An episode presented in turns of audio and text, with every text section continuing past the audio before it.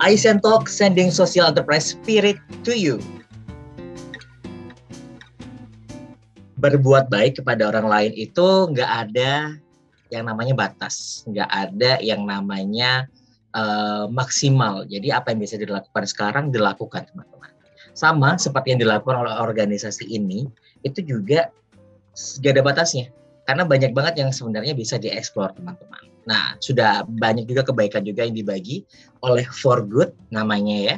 Nah, For Good ini adalah sebuah organisasi yang menolong, supporting banyak sekali usaha sosial untuk uh, memberikan gitu ya bantuan atau uh, supportnya dalam bentuk komunikasi secara visual. Apakah itu aja? Kita coba tanya sama orang penting di sini. Saya sudah hadirkan di sini ada Mbak Irma sebagai uh, co-founder dan juga director dari Fortune. Halo, Mbak Irma. Halo semuanya, halo Mas Wanda. Halo, thank you banget ya Mbak udah nyempetin buat hadir nih. Mungkin lagi sibuk banget sekarang sama teman-teman gitu ya, lagi ada project tapi udah nyempetin buat ngobrol supaya teman-teman yang dengerin sekarang tahu informasinya tentang For Good juga gitu ya dan bisa terpantik nih pengen ngelakuin sesuatu yang baik untuk orang lain. Pasti dong, kalau ada waktu buat kalian. Yes, nah itu thank you banget nih. Oke, okay, Mbak Irma sendiri ini untuk For Good udah mulai tahun berapa ya kalau boleh tahu? Kami mulai For Good itu akhir 2016, berarti sudah hampir li udah lima tahun lebih. Lima tahun, benar benar benar ya, benar. Ya ampun. Wow, gak kerasa ya? Iya. Kayaknya udah banyak banget yang dibantu ya sama For Good-nya. Aku lihat di websitenya, ini banyak banget proyek-proyek yang berjalan. Untuk saat ini, ada proyek yang berjalan nggak? Ada, ada. Kita ada satu lembaga lokal namanya Photo Voices Indonesia. Itu hmm. kita lagi ngerjain proyek komunikasi buat mereka juga. Okay. Terus uh, uh, ada beberapa program community engagement yang juga kita organize. Ada Women's Art Alliance gitu. Ah. Ya lumayan, Astungkare berjalan terus bisnisnya. Wow, keren banget ya. Photo Voices ya? Foto Voices Indonesia iya benar. Oh, oke, okay. siap siap siap. Oke, okay. sebenarnya kalau misalnya uh, beberapa teman mungkin udah tahu ya untuk For Good ini bergeraknya di mana. Tapi boleh nggak sih dijelasin lagi dan mungkin gambaran uh, besarnya apa yang dilakukan secara keseluruhan oleh tim For Good sendiri? Um, For Good itu adalah uh, sekelompok uh, communication practitioner atau praktisi komunikasi yang kebetulan kita semua perempuan di sini uh, yang kita tuh mendedikasikan skill kita untuk mendampingi uh, organisasi-organisasi yang punya misi utama meningkatkan isu-isu keberlanjutan atau sustainability di Indonesia. Nah, fokusnya kami di bidang komunikasi itu bisa dibagi menjadi beberapa ya. Yang pertama itu dari segi brand development, nah itu kita bantu uh, organisasi baru biasanya untuk uh, membangun brand value-nya mereka, brand identity-nya mereka gitu. Terus kita juga ada uh, mendampingi beberapa organisasi untuk meningkatkan strategi komunikasi, strategi marketingnya mereka secara digital gitu. Terus kita juga ada fokus untuk spesifik ke visual design. Jadi kalau misalnya ada beberapa organisasi yang perlu bantuan untuk membuat impact report, annual report, nah itu kita bisa bantu nggak hanya dari desain aja, tapi memastikan bahwa apa yang mereka sampaikan itu disampaikan secara menarik dan dalam bahasa yang mudah dimengerti gitu oleh pembacanya gitu. Yang hmm. terakhir kita juga uh, offer uh, service untuk membuat eh, strategi-strategi uh, untuk community engagement atau pelibatan masyarakat gitu. Jadi secara offline kita juga uh, bisa uh, diajak gitu untuk mendampingi mereka gitu. Wow, keren banget ya ini beneran momen power banget ya. Uh, teman-teman perempuan semuanya dan ini berhubungan dengan uh, visual semuanya. Uh, komunikasi ya lebih, lebih tepatnya ya. Betul. Oke, okay. ini teman-teman dari agensi semuanya atau bagaimana nih orang-orang uh, foundernya ini? Dari dari uh, jadi aku dan co-founderku uh, itu adalah teman dari SMP sebenarnya. Oke. Okay. Jadi lucu banget. Jadi kita tuh sama-sama punya background komunikasi. Dulu tuh aku mengawali karir di industri periklanan di Jakarta, kerja di agensi lah gitu. Terus kalau Jana, co-founderku, sahabatku, dia kerja dulu di Singapura di uh, graphic design agency di sana gitu. Jadi Masih beberapa online tahun, ya. Uh, uh, uh, zaman dulu tapi udah udah beberapa tahun lalu sebelum sebelum mulai. Oke. Okay. Uh, uh. Terus uh, kita berdua sama-sama pindah ke Bali. Dan ketika kita di Bali tuh kita terpapar banget sama kenyataan bahwa ternyata di Bali tuh banyak uh, organisasi-organisasi uh, terutama LSM ya gitu yang yang melakukan hal-hal yang keren-keren banget gitu loh yang berdampak banget. Tapi kok kita nggak ada yang tahu ya gitu. Kok susah banget untuk cari informasi tentang mereka gitu. Jadi kita tuh banyak ikut-ikut event gitu. Datang ke event datang ke exhibition dan ketemu sama mereka nih. Tapi kayak loh kok gue nggak pernah dengar organisasi ini sih? Gitu. Nah dari situ kita ngelihat wow ternyata ada gap ya gitu. Ada gap antara bagaimana uh, apa namanya uh, masyarakat Indonesia mengetahui mengenai uh, kita bilangnya tuh sustainability cost gitu. Jadi kalau misalnya teman-teman kita termasuk aku juga sama Jana kalau zaman dulu ditanya lu kalau misalnya uh, mau nge-support uh, LSM gitu atau mau support isu-isu lingkungan gitu biasanya ke mana sih? Pasti kita jawabnya tuh udah otomatis gitu ya, kayak yang uh, perusahaan-perusahaan besar gitu ya. Mm-hmm. Uh, kayak misalnya, oh ya WWF atau Greenpeace gitu kan. Mm-hmm. Tapi ternyata pada kenyataannya tuh di Indonesia banyak banget gitu. Um, apa kita bilangnya grassroots change maker ya. Jadi uh, perubah agen-agen perubah di level tapak yang uh, melakukan banyak banget perubahan tapi nggak kedengeran suaranya. Nah dari situ kita berdua ngelihat wah ini kayaknya uh, kita perlu banget nih bisa masuk di sini gitu untuk bisa mendampingi mereka agar kita bisa um, mengempower mereka untuk menceritakan ceritanya mereka dari lapangan gitu. Nah, mm-hmm. dari mana nih angle-nya? Nah, kita melihat ya dari skill kita sebagai praktisi komunikasi. Jana itu keren banget di bidang graphic design, visual, bikin website, uh, brand gitu-gitu ya. Kalau mm. aku memang uh, dari segi marketing, uh, strategi komunikasi. Jadi kita uh, join forces lah gitu. Ibaratnya udah kita bikin yuk gitu, iseng-iseng gitu. Dan ternyata uh, karena kebutuhannya ada, jadi ya seperti itulah seperti bola salju ya. Jadi ada hmm, terus ada terus ada terus gitu. Karena banyak kebutuhan ternyata pada saat itu gitu. Oke. Jadi melihat adanya gap itu yang membuat uh, tim jadi tertarik untuk membantu gitu supporting gitu ya? Betul. Sampai sekarang sudah ada berapa organisasi yang terbantu nih oleh For Good selama lima tahun ini mungkin ada sekitar hampir 30 kali ya 30 organisasi yang kami uh, ajak kerjasama gitu 30 organisasi ini semuanya sosial atau ada yang uh, akhirnya perusahaan juga yang dibantu? Eh, campur-campur. Uh, Pokoknya intinya adalah uh, mereka membawa misi keberlanjutan. Jadi kalau misalnya dilihat dari kategorinya ada yang LSM, ada yang project atau inisiatif uh, gerakan gitu ada juga gitu perkumpulan gitu ya tapi ada juga social enterprise atau usaha sosial itu juga kita ada klien-klien itu gitu. Ah oke. Okay. Mm -hmm. Dan ini uh, fully supportnya dalam bentuk gimana nih? Karena kan nggak semua LSM mereka punya dana yang lebih ya. Apakah mereka ada harga khusus atau mungkin seperti apa yang bisa membantu teman-teman dari LSM ini? Menarik banget ini pertanyaannya. Jadi uh, sebenarnya salah satu mod karena gini sebagai sebuah uh, agensi yang fokus di bidang keberlanjutan, kami juga meminjam modelnya usaha sosial nih, di mana uh, kita uh, mengalokasikan uh, profit kami gitu ya untuk bisa melakukan kerja-kerja pro bono gitu, kerja-kerja sosial gitu untuk membantu hmm. LSM-LSM yang benar-benar tidak punya biaya, tidak punya pendanaan gitu untuk meningkatkan komunikasi mereka gitu. Jadi uh, kita juga uh, offer service-nya, tapi ketika kita offer service kami ke uh, klien kami, kami akan bilang bahwa uh, 100% dari profit yang kami terima itu kami alokasikan ke program pro bono kami gitu. Jadi uh, ibaratnya tuh kita mau bikin semacam rantai kebaikan gitu ya chain of good hmm. gitu jadi wow. ketika, ketika ada satu perusahaan atau satu LSM internasional gitu ya yang menggunakan jasa kita dan membayar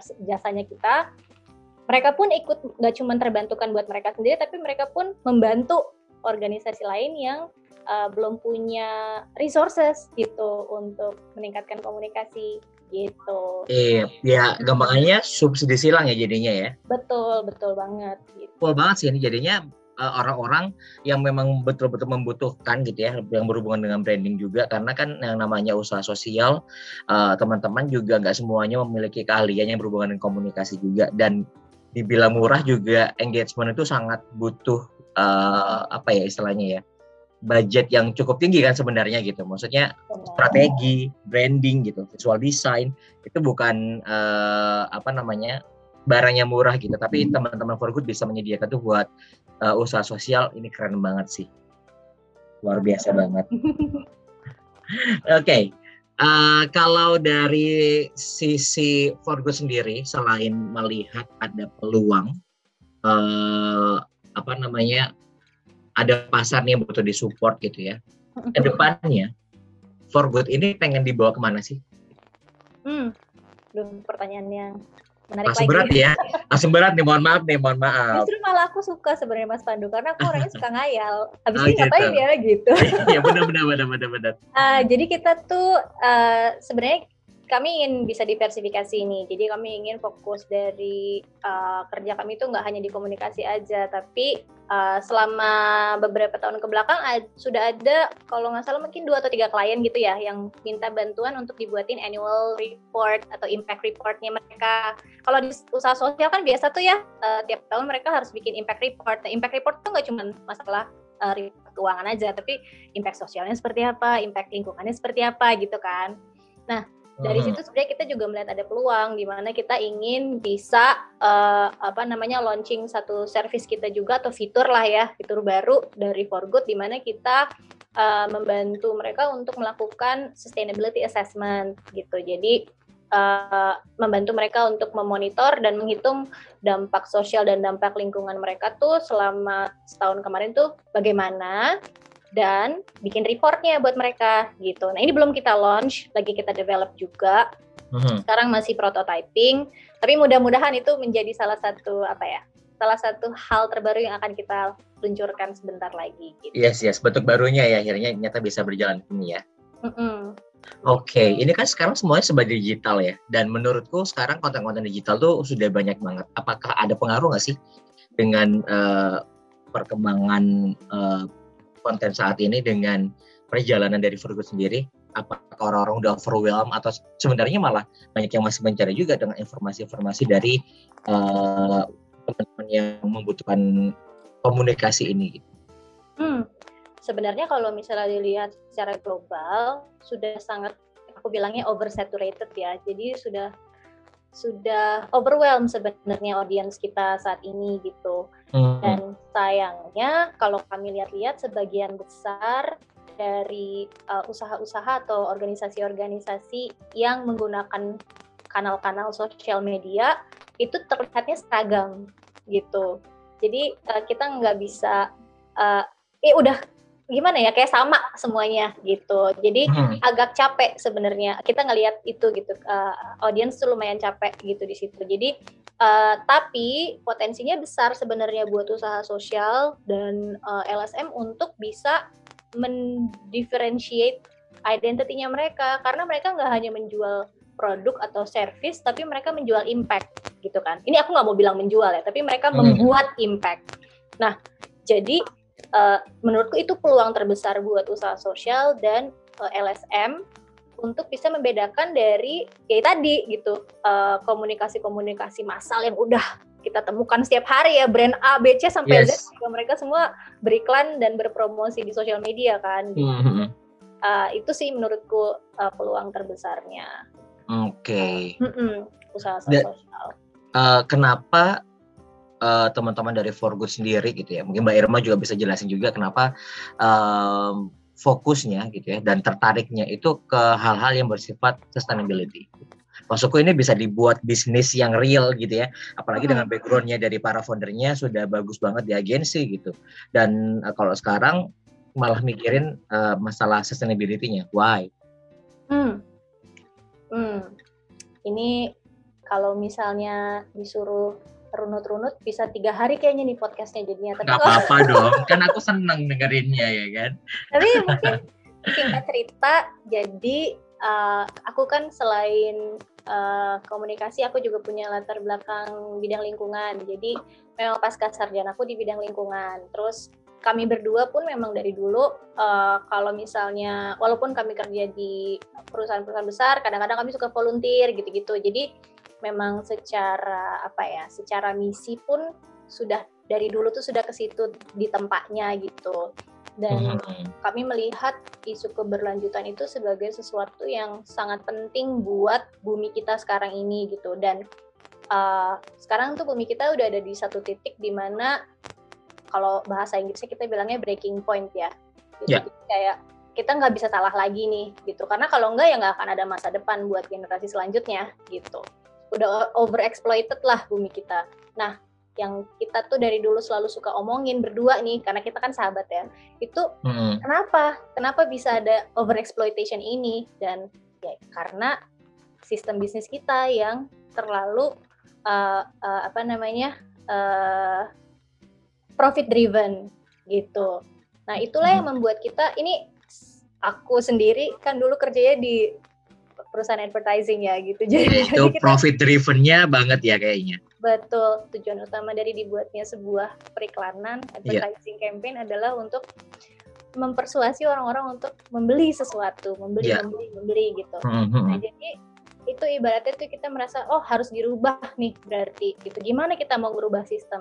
Ya sudah kita rubah dari pelaku utamanya gitu. Mereka-mereka yang paling punya impact paling punya dampak paling besar ke, ke lingkungan dan ke sosial yaitu bisnis. Karena bisnislah yang membentuk sistem bumi kita saat ini kan. Semuanya kan uh, dijalankan oleh bisnis tuh uh, sistem bumi kita sekarang ini gitu. Jadi itulah yang yang memotivasi kita banget untuk udah deh kita fokusnya di sustainability aja gitu. Kita dukung eh, usaha-usaha yang sudah mulai mengawali jalannya mereka itu untuk lebih bertanggung jawab, untuk menjadi perusahaan yang lebih bijak, kita dorong mereka untuk bisa jadi contoh-contoh gitu yang baik buat perusahaan-perusahaan lain gitu hmm. dan juga organisasi-organisasi lain gitu. Yes, ini cool banget dan bisa jadi uh, adanya for good membuat orang-orang perusahaan juga memikirkan dampak sosialnya nggak cuma cuma uh, sekedar CSR event sekali hmm. jadi selesai gitu ya, tapi ada sesuatu hmm. yang mereka bisa lakukan rutin gak hanya mungkin tahunan tapi bahkan mungkin bisa dilakukan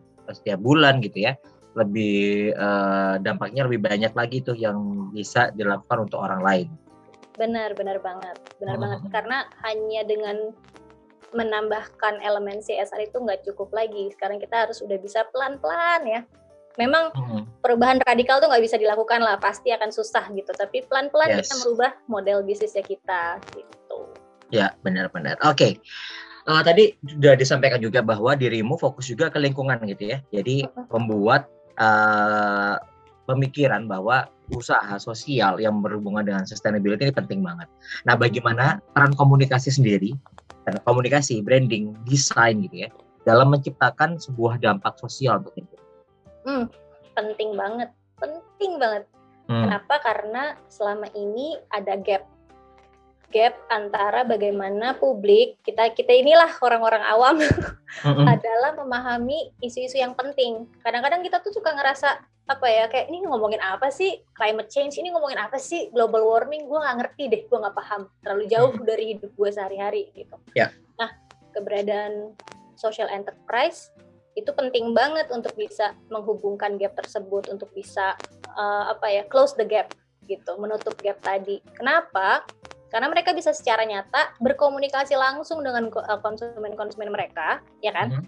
Mm -hmm. Tapi sekaligus juga raise awareness, sekaligus sekaligus juga uh, educate their audience about an important issue, apa pun itu ya, entah itu mm -hmm. isu mengenai uh, women empowerment, entah isu mengenai pemberdayaan petani, apa pun lah misi yang dibawa oleh uh, uh, usaha sosial ini gitu sehingga konsumen mereka ketika bertransaksi gitu ya membeli produknya mereka atau membeli servisnya mereka jadi tahu oh wow ternyata produk yang saya beli ini membantu petani lokal. Dan ternyata emang kenapa petani kita ya? Karena petani kita mengalami begini begini begini begini oh ternyata begini jadi mereka lebih tahu gitu loh tentang hmm. isu-isu keberlanjutan ini gitu. Jadi itulah kenapa penting sekali uh, komunikasi dan branding uh, bagi social enterprise gitu. Karena mereka pegang peranan penting untuk bisa close that gap.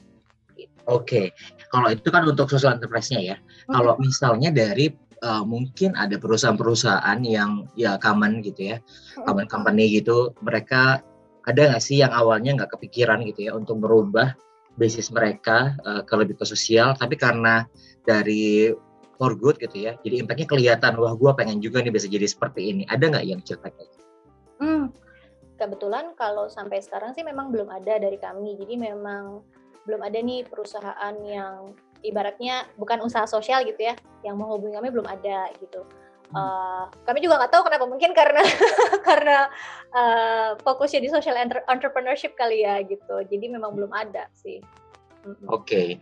tapi nggak masalah sih sebenarnya kayak uh, setiap apa ya setiap orang atau bos setiap founder juga pasti memikirkan kan untuk uh, keberlanjutan si perusahaannya baik itu mau fokus ke uh, profitnya ataupun non profit juga gitu Cuman memang harus digencarkan banget ya menurutku branding-branding yang sosial seperti ini untuk memacu orang-orang juga menyelesaikan masalah ada uh, apa ya banyak permasalahan di Indonesia yang harus diselesaikan gitu. Tapi kalau misalnya nggak ada pemicunya, nggak ada orang-orang yang mau menaikkan informasi tentang masalah ini, bisa jadi perusahaan yang umum juga nggak terpancing untuk mau melakukan hal sosial itu gitu kan.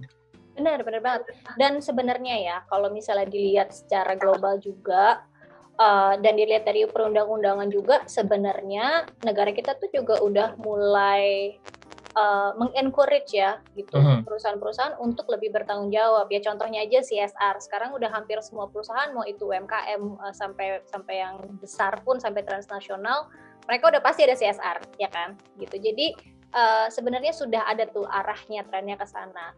Namun uh, yang harus dipahami adalah jangan sampai uh, apa yang dikomunikasikan oleh perusahaan tersebut hanya jadi PR aja gitu, hanya jadi uh, uh, gimmick gitu. Uh, ini aku nggak tahu apakah Mas Pandu pernah dengar istilah greenwashing nggak? Greenwashing. Hmm. Ini hmm, aku belum dengar tuh. Hmm menarik nih. Jadi greenwashing tahu brainwashing kan lah ya. Berarti tahu tahu tahu brainwashing. Ya. Ini kalau greenwashing tuh ibaratnya kita mencuci jadi green enggak sih. Tapi maksudnya greenwashing tuh adalah uh, bagaimana sebuah perusahaan dia itu mempromosikan nilai-nilai keberlanjutan gitu ya, sustainability. Misalnya eco, green, natural, organic gitu ya. Hmm. Tapi uh, palsu. Uh, betul, bukan palsu, tapi tidak mengakar. Jadi istilahnya gini, ah. uh, contohnya jadi misalnya mereka hanya satu elemen aja nih, sat, dia mereka melakukan satu kegiatan kecil yang uh, yang uh, kelihatannya hijau gitu, misalnya kayak hmm. kami uh, mengganti uh, uh, uh, kami mengganti sedotan, uh, tidak lagi memberikan sedotan gitu ya buat produk minuman kami.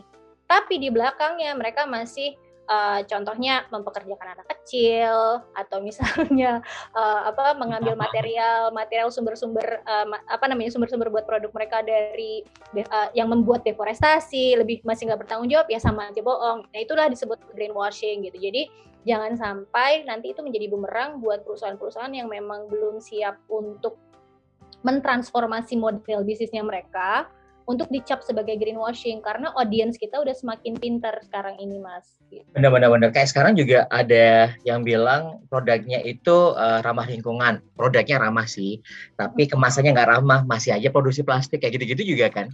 Mm-mm, gitu. Sebenarnya sih memang nggak ada yang sempurna ya Mas Pandu gitu. Betul. Kita nggak akan pernah bisa mencapai kesempurnaan gitu. Tapi uh, ya itu gitu kita harus benar-benar hati-hati karena nanti malah dari segi branding, dari segi uh, value malah jadi bumerang lah buat kita gitu. Jadi uh, gimana caranya kita yang paling penting mendasar sebelum kita mempromosikan ke publik, kita benerin dulu deh dalamnya apa nih perencanaan kita untuk memastikan bahwa perusahaan kita bekerja secara bertanggung jawab, berkelanjutan.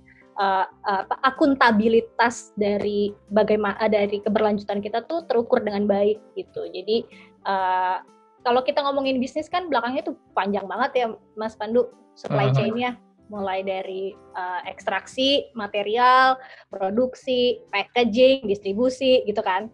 Ya. Panjang yeah. banget tuh supply chain-nya. Nah, itu mereka harus benahin dulu sebenarnya sebelum mereka uh, mem berani mempromosikan bahwa perusahaan mereka atau brand mereka itu eco atau green or sustainable gitu.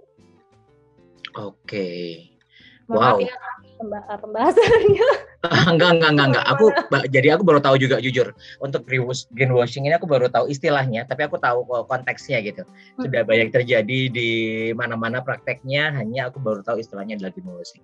Dan itu menarik juga buat dibahas ke kemudian hari dan ini bisa buah si malakama kan buat Betul. si perusahaan kalau misalnya tidak dilakukan secara benar gitu apa yang dikatakan tidak sesuai dengan apa yang terjadi di internal betul banget harus dikerjakan yes. di internal baru keluar secara publik. Nah, uh, bagaimana caranya um, mengkomunikasikan impact ke konsumen nih sebenarnya? Ada caranya sendiri nggak sih sebenarnya, Mbak Um, caranya banyak sih mas sebenarnya. Namun yang paling penting kan yang mau kita cari tuh engagementnya ya kan? Engagement, Apakah okay. komunikasi yang kita berikan itu engaging buat audiens kita? Itu sih kunciannya.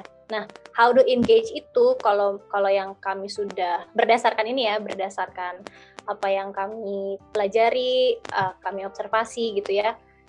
Uh, engagement itu paling uh, berkelanjutan, maksudnya ibaratnya paling sustain itu ketika sebuah sebuah perusahaan mengkomunikasikan impactnya mereka secara genuine gitu. Hmm. Jadi nggak kelihatan bahwa aku gimana ya ini agak tricky nih ngejelasinnya. Jadi aku bukannya bukannya ingin bilang bahwa banyak strategi marketing yang cuman di service aja enggak gitu. It's it works as well tapi nggak berkelanjutan. Karena kita kan mau bicara mengenai impact ya. Impact itu kan artinya dampak.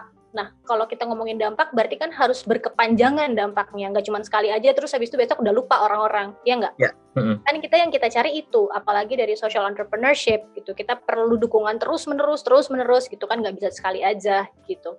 Nah, mm-hmm. itulah yang yang menjadi tricky gitu. Jadi kalau misalnya balik lagi menjawab pertanyaannya, uh, caranya adalah yaitu berbicaralah dengan genuine. Genuine tuh uh, kalau uh, direpresentasikan dengan bahasa Indonesia tuh true uh, ya genuine uh -huh. tulus bukan. Gitu loh. Jadi ya. sebenarnya nggak merepresentasikan juga tapi makanya genuine gitu. Jadi tell uh -huh. your story genuinely. Uh, balik uh, baliklah ke misinya kalian gitu. Jadi misalnya sebagai sebuah uh, uh, usaha sosial pasti kan diawali karena ada satu masalah yang ingin dipecahkan. Apa pun itu kan bentuknya. Nah ceritakanlah masalah itu dengan genuine uh, jadi ketika kita bicara, ketika kita berkomunikasi, jangan hanya sukses-suksesnya aja, tapi challenge-nya juga harus kita bisa share gitu. Jadi genuine banget gitu. Lebih ke situ sih aku ngelihatnya. Uh, instead of instead of instead of allocating our money uh, untuk misalnya ya uh, meng-hire uh, influencer yang banyak followernya tapi udah tapi dia juga menghandle beribu-ribu brand lain gitu. Mm-hmm. Mendingan lu bikin kampanye uh, alokasikan itu bikin kampanye yang keren banget tapi untuk satu value yang pengen lu angkat gitu menurutku. Hmm. Gitu Mas karena uh, yang kita cari dampak berkepanjangannya bukan sensasinya gitu. Sensasinya benar-benar benar. Kalau cuma pengen gernya doang gitu istilahnya ya, kalau katanya si komika ya cuma sekali itu doang tapi nggak akan berdampak untuk waktu yang lama seperti itu kan ya. Betul. Oke. Okay. Dan ini menjadi uh, hal yang cukup sulit ya sebagai Mbak Irma juga sebagai orang yang di strategi juga dengan berbagai macam uh, usaha sosial yang dibantu.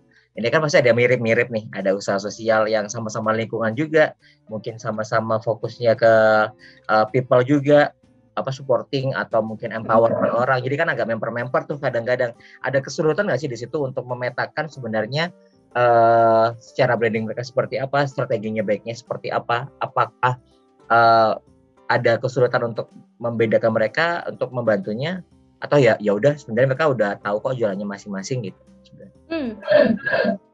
Ini menarik karena kebanyakan dari usaha sosial yang kami dampingi itu kebanyakan mereka itu startup, jadi baru memulai.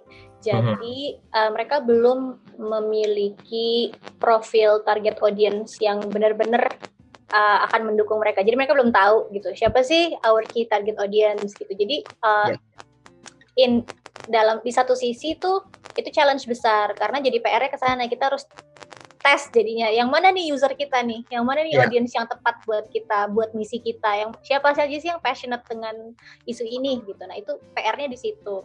Mm-hmm. tapi di sisi lain justru malah itu bagus jadinya buat buat buat mereka. Karena ibaratnya mereka start dari nol gitu. Jadi uh, kemungkinan untuk salahnya tuh lebih dikit gitu. Karena mereka mulai dari nol intinya gitu jadi uh, apa ya ya kendalanya sih di situ uh, memetakan uh, siapa audiensnya mereka audiensnya mereka yang bisa mendukung mereka terus menerus ibaratnya jadi pelanggan lah gak hanya ya. sekali gitu. makanya aku jadi mikir yang kalau misalnya dari awal sendiri ini harus ditata lagi gitu ya dengan audiens yang uh, tepat gitu. Ini kan berarti kayak benar-benar buat startup baru lagi ya.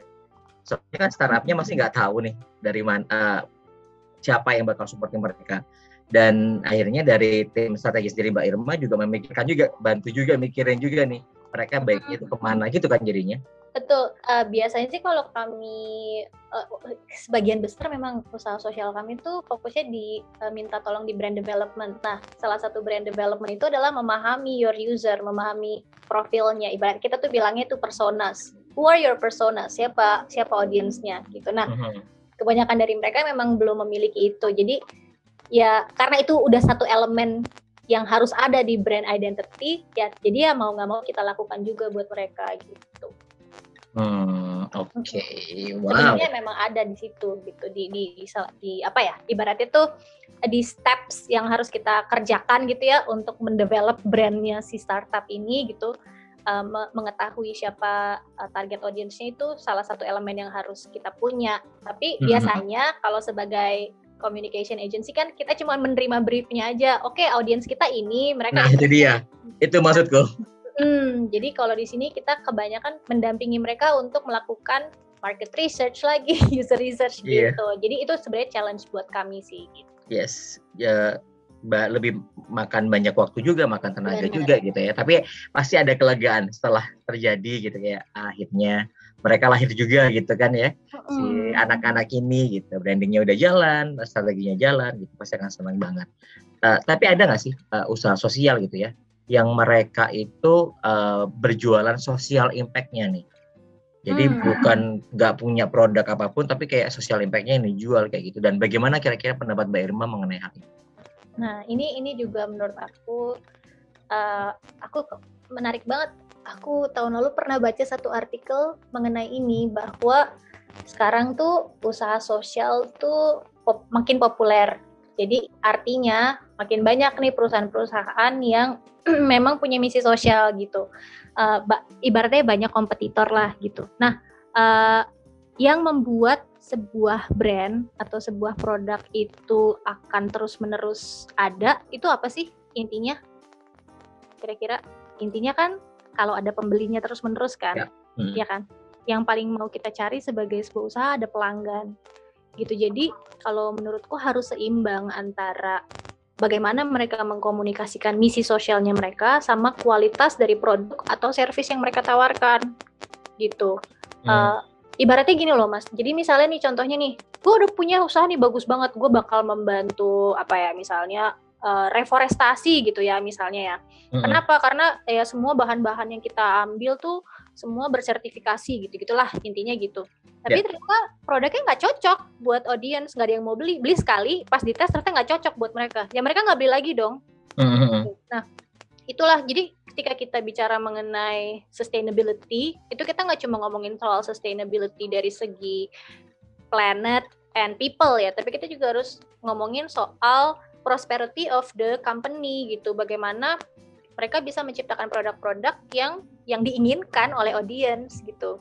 Jadi hmm. nggak hmm. bisa kita hanya jualan isu sosialnya aja dan uh, produk kita tuh nggak bagus, produk kita tuh gampang rusak, produk kita tuh yeah. Iya. uh, apa namanya ya nggak nggak sesuai sama seleranya audience. Gitu. Jadi harus ada titik imbangnya di situ dan juga udah kelihatan ya kalau misalnya yang dijual kayak gitu nggak bakal sustain nggak sih jadi dia akan berhenti juga karena nggak ada inovasi yang dilakukan mereka hanya me me menggunakan nama sosial iya, impact-nya ya, untuk ya. jualan gitu jadi nggak ada value-nya juga yang bisa dibawa sama si SI ini bener Mas Pandu jadinya charity balik hmm, lagi ya benar charity gitu. jadinya. Padahal sebenarnya di awal kan eh, perusahaan-perusahaan sosial atau usaha sosial itu dibuat untuk menjawab uh, challenge-nya NGO ya kan? Yang uh, sangat uh, bergantung uh, uh, dari donasi ya enggak hmm. karena mereka kan nggak bisa nggak boleh tuh uh, make profit nah makanya akhirnya lahirlah social entrepreneurship karena ya itu karena kita harus bisa sebagai change maker kita harus bisa secara kreatif dong cari pendanaan yang lebih sustain buat kita gitu yang lebih ya. sustainable yeah. lah buat kita Nah, mm -hmm. itu balik lagi ya kalau mau sustainable ya berarti lo harus pastiin produk lo ada yang mau beli dan orang yang mau beli itu mau jadi pelanggan lo gitu sih intinya. Iya, wow. Ini insight banget ya karena menyadarkan banyak orang. Mungkin teman-teman yang lagi dengerin sekarang ngerasa di kanan kirinya ada yang punya usaha sosial tapi uh, kayaknya mereka bergeraknya belum punya produk nih. Masih jualan si uh, tadi social impactnya doang gitu ya. Nah ini boleh juga jadi sharing juga sama teman-teman. Oke okay akhir. Uh, bagaimana gitu ya caranya uh, untuk usaha baru untuk membuat strategi atau bentuk komunikasi yang bisa dilakukan di awal oleh para teman-teman yang bergerak di usaha sosial ini apa aja sih? Hmm. Menurutku yang paling penting tentukan misi utamanya apa. Jadi misi utamanya nih, key message-nya lah ibaratnya misi utama atau pesan utamanya apa yang ingin disampaikan and stick with it jangan ke mana-mana gitu. Kalau misalnya fokusnya ke satu isu, uh, satu isu, satu isu partikular gitu. Misalnya uh, kalau kalau kita misalnya mau bergerak di bidang uh, pengurangan plastik lah, plastiknya plastik yang mana nih? Fokus ke hmm. satu plastik uh, kantong plastik. Nah, kan, kantong plastik itu satu satu item ya, gitu. Jadi hmm. jangan terlalu lebar. Fokuslah ke satu misi dan dan di situ aja. Yang kedua adalah cari uh, key opinion leaders yang akan bisa mendukung kamu di situ dan cari audience yang tepat buat kamu yang passionate banget untuk uh, mendukung kamu di perjalanan awalmu masuk ke social entrepreneurship journey ini gitu untuk bisa menjadi your first buyer, your first user itu. Itu penting. Itu yang paling awal harus dilakukan berarti ya. Mm -hmm. Oke. Okay. Specific, be specific in your mission. Uh mm-hmm. -huh uh, spesifiklah dengan misimu. Cie gitu. Asik. Tapi benar-benar benar-benar ini yang perlu dipikirin lagi jangan sampai malah kita udah jalan baru nih kita ngerubah-rubah lagi kan. Jadi malah hmm. orang-orang bingung sebenarnya mau ke mana gitu kan. Jadi terombang ambing, audiensnya nggak tepat dan malah nggak bagus dari brandingnya sendiri. Betul. Wow. Dan, satu lagi mas. Apa tuh? Create really amazing products. Kalah sama brand-brand gede kualitasnya harus oke okay dong. Iya yang yang bagus dan yang emang uh, pasarnya ada ya gitu ya. Yes. jangan sampai bagus pasarnya nggak ada juga. Betul. Terima banget sih. Banyak pertanyaan yang belum kebahas. Cuma kita nggak mungkin uh, kelamaan juga teman-teman. Pasti juga sekarang sedang memproses apa yang kita bicarakan nih mbak. Mungkin kita di lain waktu bisa sambung lagi dan ada update terbaru dari For Good aku akan menunggu banget jika itu memang ada. Thank you banget udah join hari ini Terima kasih banyak Mas Pandu kesempatannya. Semoga bermanfaat ya teman-teman. Thank you, pasti bermanfaat dong Mbak. Aku yakin banget ini bermanfaat dan sukses terus untuk For Good. Kita mungkin bisa uh, sharing lagi di luar sesi yang kali ini ya. Baik, terima kasih banyak dan ditunggu undangannya. Siap, thank you banget. Oke, okay, bye-bye. Okay, bye-bye. Teman-teman jangan lupa juga kalau kamu punya ide juga yang ingin disampaikan atau hal-hal yang menarik yang berkaitan juga tentang tema kali ini, kamu jangan lupa untuk menuliskan komentar gitu ya langsung di Instagram kita seperti biasa. Uh, kita tunggu sampai minggu depan. Jadi kita akan ada tema yang baru. Pokoknya kamu harus dengerin terus Aizen Talk, Setting Social Enterprise Spirit to you. Bye bye.